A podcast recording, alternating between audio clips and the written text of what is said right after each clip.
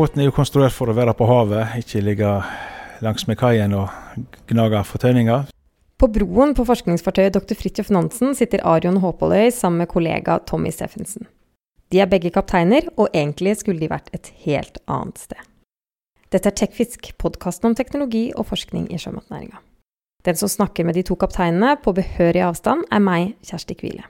Følg med, så får du også noen gode råd mot brakkesyke fra folk som er vant til å være isolert flere uker av gangen. Nå sitter vi om bord i forskningsfartøyet Dr. Fridtjof Nansen. Og den båten den kom til Bergen for ei uke siden, men det var ikke planen. Hva var det som skjedde, Tommy Steffensen?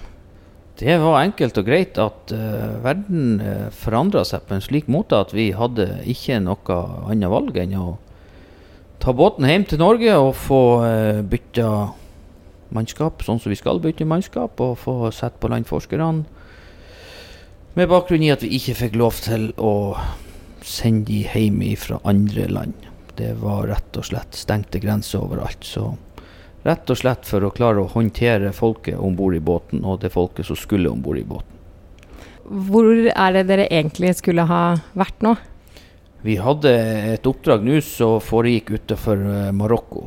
Så, skulle, så starta i Casablanca i 27.2 og skulle avsluttes eh, på grensa mot Mauritania da den 30. Eh, mars. Og så skulle vi i utgangspunktet ha et mannskapsskifte på Las Palmas den 1. Eh, april, altså i dag. Og den 13. Eh, mars ble det da avklart at grensen stengte i de landene som vi da jobba for. Og vi hadde da kun ett fokus, og det var å få sendt på land folk fra det afrikanske kontinentet, slik at vi sto fritt til å håndtere båten med nordmenn om bord. Ja. Da gikk vi opp til uh, Agadir. Uh, en uh, liten by midt i Marokko, skulle jeg til å si, langs kysten. Så, så, ble vi liggende der en par dager til ankers før vi fikk lov til å gå inn og laste av forskerne som tilhørte Marokko. Da. Ja. Og så sitter vi her med to kapteiner, siden det er mannskapsskifte i dag. kan dere ikke dere fortelle litt hva dere vanligvis gjør? Det vi vanligvis gjør, det er et samarbeid mellom FAO uh, organisasjonen i FN som uh, sammen med Norad kjører program i, eh, på det afrikanske kontinent, og også en del i eh, Asia. Så det er vel egentlig bistandsarbeid vi i utgangspunktet jobber med, og skal jobbe med. Eh, og i utgangspunktet så er det fiskeriforskning og opplæring, miljøforskning og selvfølgelig også opplæring på den biten og med forskere fra alle landene som vi er innom på vår vandring. Ja, Arion, kan ikke du fortelle om en sånn vanlig arbeidsdag? En vanlig arbeidsdag den innebærer at eh, vi har jo da en, en toktleder om bord i båten. Så, eh, så har en, en eh, laga til en plan over dekningsområdet som vi forsøker å kartlegge, hvis det f.eks. er på akustisk tokt. Så har vi seilingskurser som blir planlagt, og vi har daglige møter med toktlederen for å kartlegge hva dekningsområdet vi skal bruke båten til. Og Det innebefatter da prøvetakning med vannprøver og tråling og osnografiske målinger. Så det blir jo en litt eh, avbrekk i den, eh, i den eh, normale toktvirksomheten med å ligge til kai her i Bergen. Da. Hva har dere tenkt å fylle tiden med? Eh, godt spørsmål. Båten er jo konstruert for å være på havet, ikke ligge langs med kaien og gnage fortøyninger. Så eh, vi får jo da se litt i glasskulen og, og, ta litt forebyggende vedlikehold. Gjøre ting som vi burde gjort litt seinere, og forskuttere alt vedlikehold. Malingsarbeid utvendig i dette bergensværet er vel så som så. Men eh, det får vi ta igjen når vi kommer til Afrika. Det er klart det er jo en del servicer vi kan ta på maskineri og utstyr om bord i båten. Hvor lenge har dere arbeid? Altså Hvor mye kan dere skru? ja, du kan ikke skru sånt uh, en ny båt, så det er jo en, uh, det er jo en relativt ny båt. Så, så, men det er jo klart alt, uh, alt skal ha vedlikehold. så det Men det er jo klart, hvis denne eh, koronaen eh, da skal snakke om månedsvis og år, så er det vel regna med de finner en, plan B til båten. At vi kan eh, få noen tokt kanskje i Norge, eller få en annen. For når eh, fartøy seiler ned igjen til Afrika, det er jo veldig uvisst eh, i nåværende, nåværende tidspunkt. Båten var ny i 2017.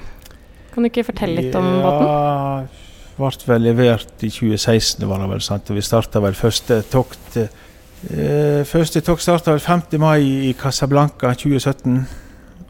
Og eh, så planen var jo Den gamle Nansen var vel i Afrika i ca. over 20 år, så eh, det var vel planen til denne fartøyet òg. Men eh, nå gikk det vel ca. tre år, så kom båten tilbake til Bergen pga. Omstendighetene er.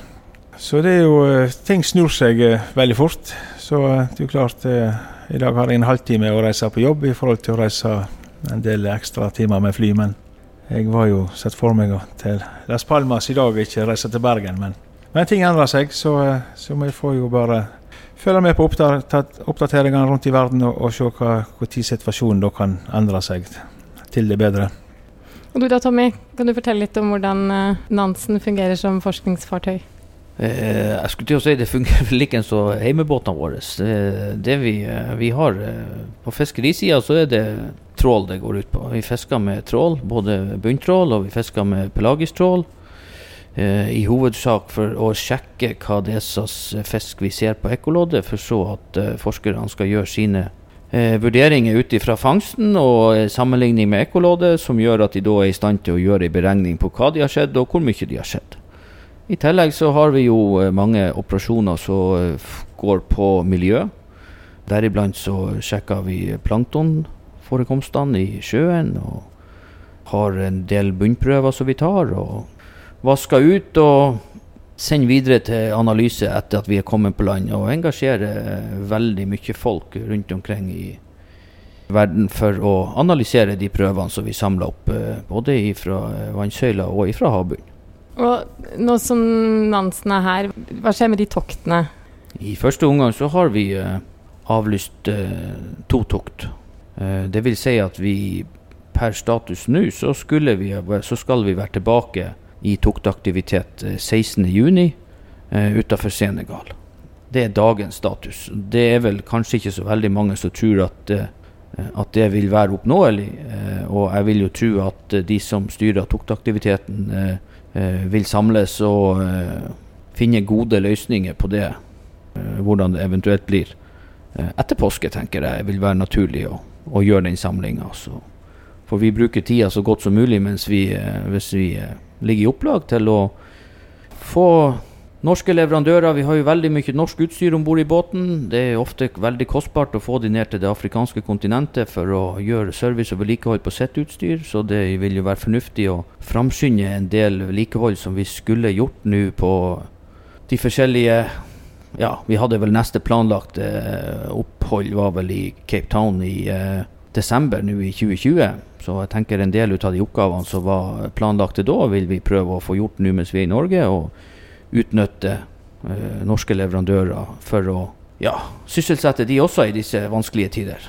Hvordan er det å jobbe med forskere fra andre land, da? Fra så mange land, forskjellige land? Det er helt fantastisk.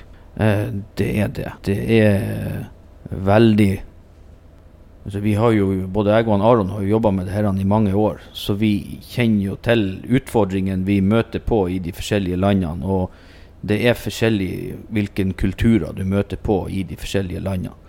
Eh, noen er mer utfordrende enn andre, men i, eh, helhetsbildet er at det blir veldig mange gode bekjentskap. Det er veldig interessant å høre og lære om deres eh, liv og kulturer.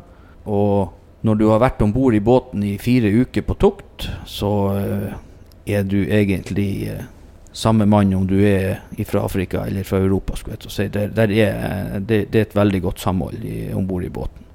Så tenker jeg at uh, dere er eksperter på å unngå brakkesyke. Har dere noen tips?